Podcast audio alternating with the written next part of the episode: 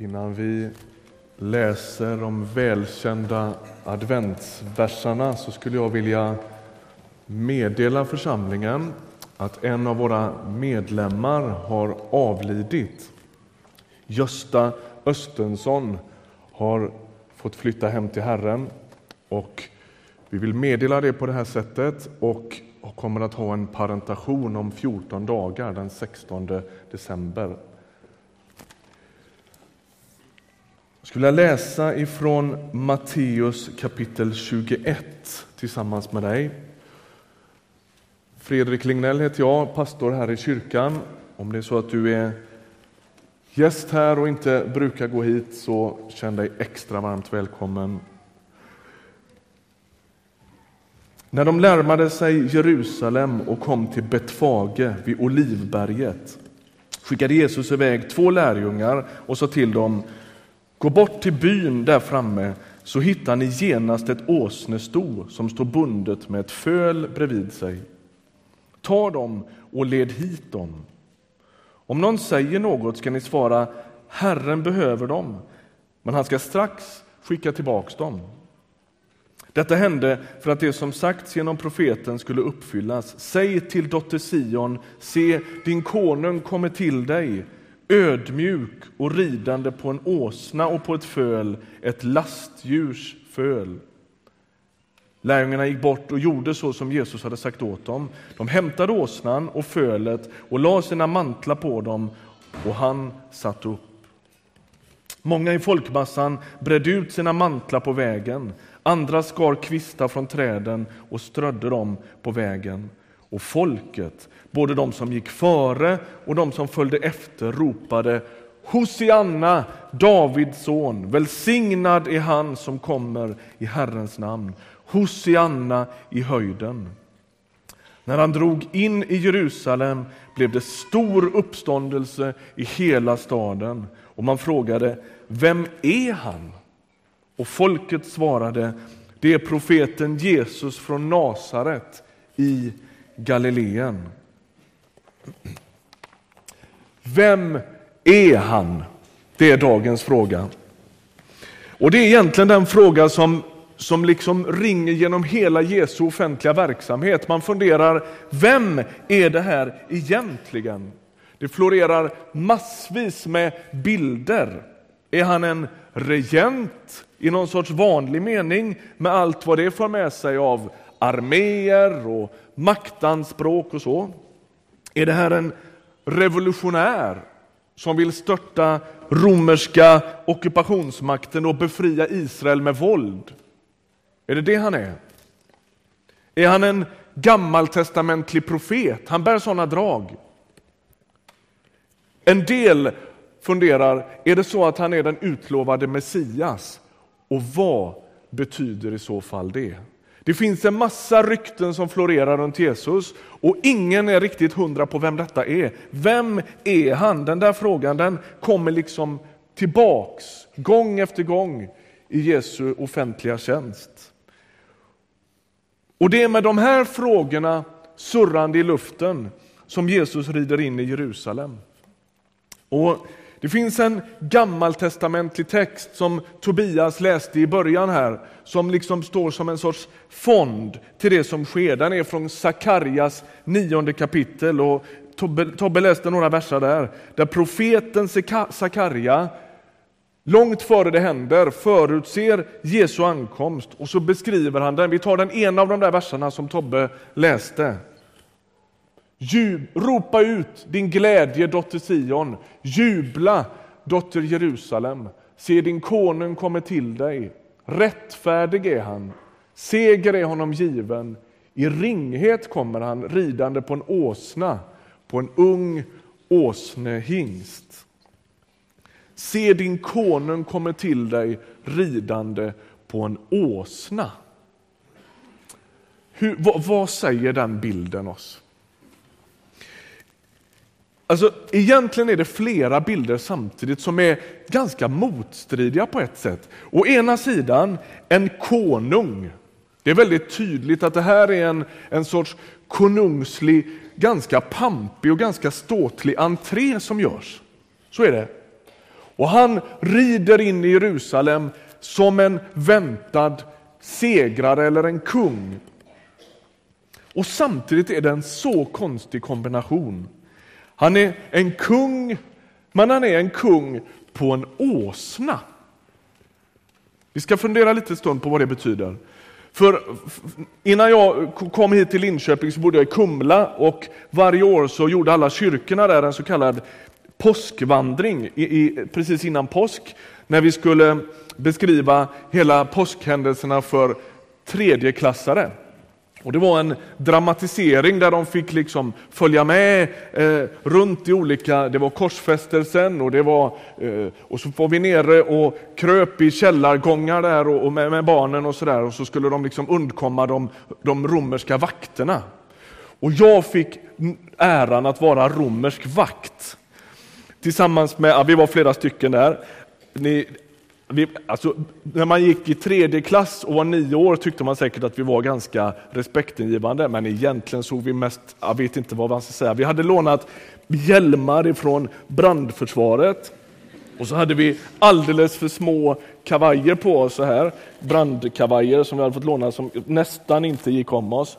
Men sen så hade vi, försökte vi liksom skaffa så grova skor som möjligt för att vi skulle gå och liksom marschera där nere i de här mörka, mörklagda källargångarna. Och målet var att skrämma vettet ur ungarna i så stor utsträckning som möjligt. Det var vad det gick ut på. Det var fantastiskt på många sätt. Och så, det är så sällan man får göra det. Och, och så och så, och så, och så, och så liksom byggdes det upp världens stämning där nere och så, skulle man, och, och, så skulle vi komma marscherande i mörkret långt bort i en källargång där i en av kyrkorna i, i Kumla. Och så skulle vi få, ta till fånga en av de här, ett av de här barnen. Och så skulle det ut, utkämpas en sorts köpslående där. Och alltihopa gick ut på att använda så mycket maktspråk som möjligt. Ni vet, högljudda, eh, slamriga, stampande med, med, med kängorna och, och så här, va? En kille som var med och var, och var vakt, vi liksom höll tillbaka honom lite så att han inte skulle övertända. Han kom och sa jag, jag har hittat superhårda kängor, det smäller jättehårt. Så här. Ja, men ta det lugnt, det är barn. Så här, va? Eh, men alltihopa gick ut på att det skulle vara så mycket maktspråk som möjligt. När Jesus rider in i Jerusalem är det tvärtom. Det är något märkligt med den där bilden därför att den, det, det luktar inte riktigt makt. Det är så motstridiga bilder. Om han hade suttit på en häst, då hade han kommit in som kejsaren skulle göra. Det skulle stå för krig och för erövring. Men när åsnan bär Jesus in i Jerusalem så står det för att Jesus kommer med fredliga avsikter. Det är inte makt Språket det är något annat. Det var inte på en stridshäst han satte sig, utan det var på en åsna. Och, och, Jesus är inte omgiven med soldater med vapen i hand, utan han är omgiven av lärjungar med palmkvistar i händerna. Det är en märklig bild. Han rider in i Jerusalem och det är som kung, det är ingen tvekan om det. Eh, I, i texten från Sakarja läste vi rättfärdig är han, seger är honom given. Han kommer in där som en sorts segrare och samtidigt som en sån märklig kung. En annorlunda kung. Det är som att den här kungen kommer nerifrån och inte uppifrån. Han kommer inte som härskare utan han kommer som tjänare. Det är ju snart Nobeldagen. Det är väl nästa vecka här, så kom, om, om, om en dryg vecka så är det Nobeldagen. Och då är det pompa och ståt som gäller. Den vänstra bilden där det är på kungen vid Nobelfesten år 2004. Men det skulle kunna vara nästan vilken Nobelfest som helst, tänker jag. För det är ganska lika, är det inte det? Kanske man inte får säga, men det känns som att det är ganska sådär. Och, och, och, och, och det, då finns det inga gränser för makten och pråligheten, utan då ska man ladda på så mycket man kan. 2004 då är kungen med på Nobelfesten i, i vanlig ordning. En månad senare då har katastrofen i Sydostasien ägt rum, ett tsunamin som sveper fram och bara skövlar och det är död och elände. Och I januari månad 20, eh, år 2005 så hålls det en sorts minneshögtid i Stadshuset i Stockholm. Där talar kungen. Och om tekniken är med oss nu så ska vi titta på en minut klipp ifrån det.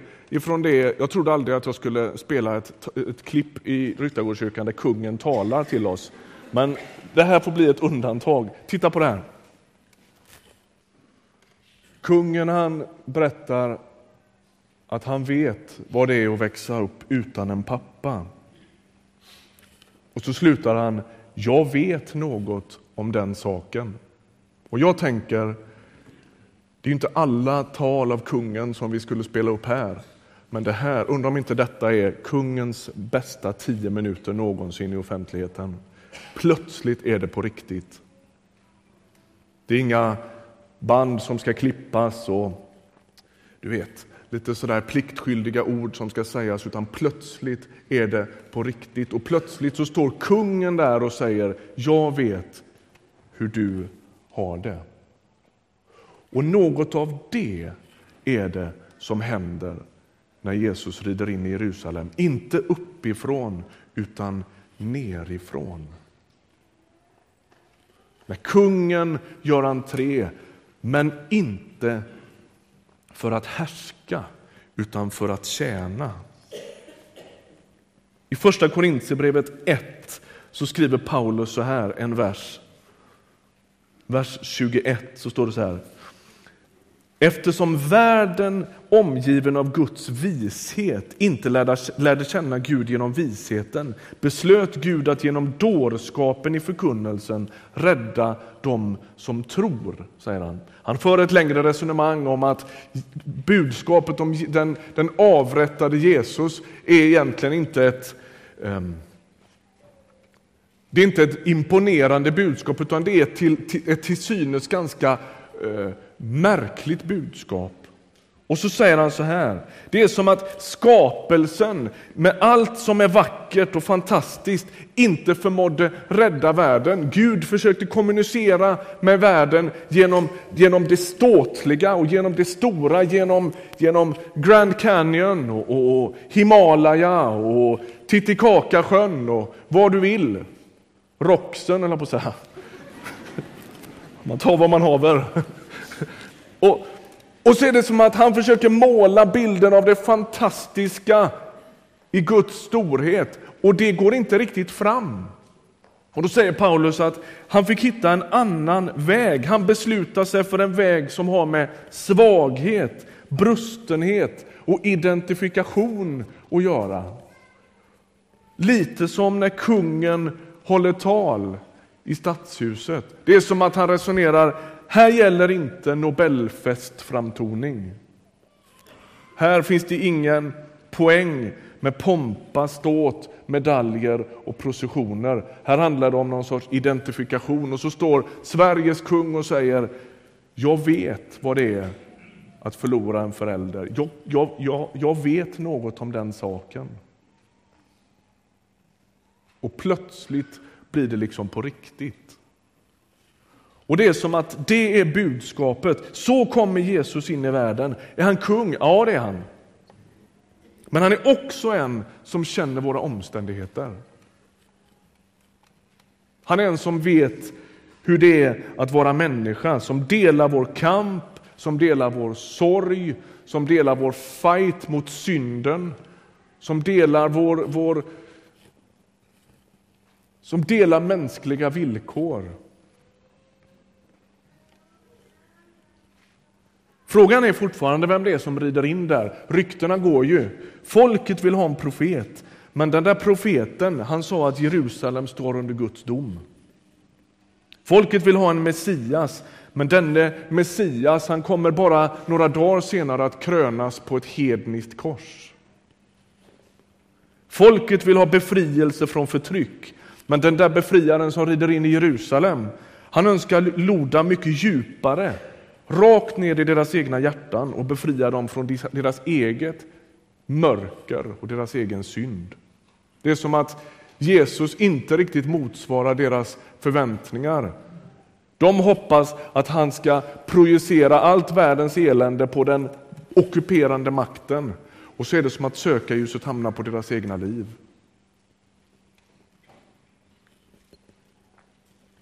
Och grejen är den här, att Jesus han verkar inte spela på våra villkor. Han kommer till oss, han delar vår smärta, han delar våra villkor, men vi får ta honom som han är.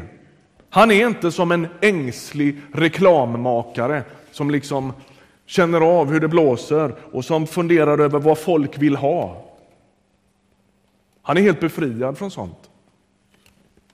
Nej, han är god, han är rättfärdighetens konung. Han är rättfärdighetens förste, som vi sjöng här för en stund sedan. Men han kommer för att befria oss. Han kommer för att befria oss från vår synd, från vårt mörker, från vår egen inkrökthet i oss själva. Och jag tänker att bilden som sagt är väldigt dubbel. Ja, det är trösterikt med en kung som kommer för att betjäna världen, men det är också djupt provocerande. Han betjänar oss, han ställer sig i bredd med oss, han delar smärtan och livet med oss, men inte för att bekräfta oss, utan för att befria oss. För att befria oss. Inte för att vi ska kunna fortsätta med våra självcentrerade, självupptagna liv, utan han kallar oss genom att säga kom och följ mig. Och det är, vad, det är vad det går ut på, det där med Jesus. Det är som att det kryper alltid nära och han säger, vad ska du göra med det här? Ska du följa? Ska du öppna på det där slutna rummet där du ständigt fastnar i dig själv och bjuda in rättfärdighetens förste, rättfärdighetens konung som vill befria dig från din egen inkrökthet, och mig också.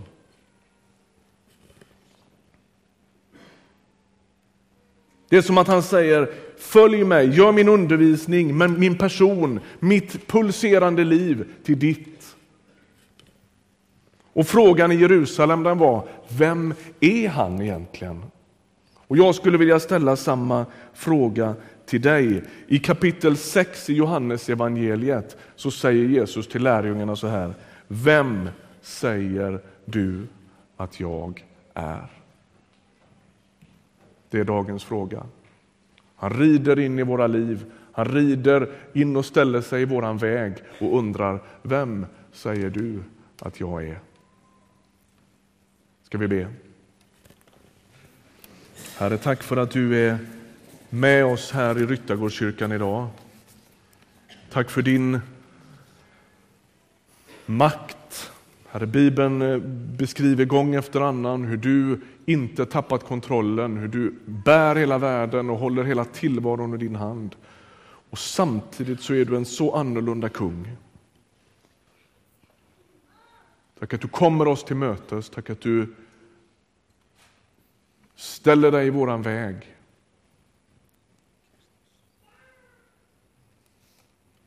Och Herre, de här människorna som jublar med palmkvistar i sina händer, som, som kröner dig till konung på söndag, det är de som ropar korsfäst, korsfäst framåt fredag. Herre, vi vill bjuda dig in i våra liv, men vi vill säga, Herre, kom sådan som du är, inte sådan som vi önskar att du vore. Rid in i våra liv, ta allt större plats. Vi vill kröna dig som den kung som du är. Hjälp oss att följa dig. Ta allt större plats i vår gemenskap, i våra liv. Amen.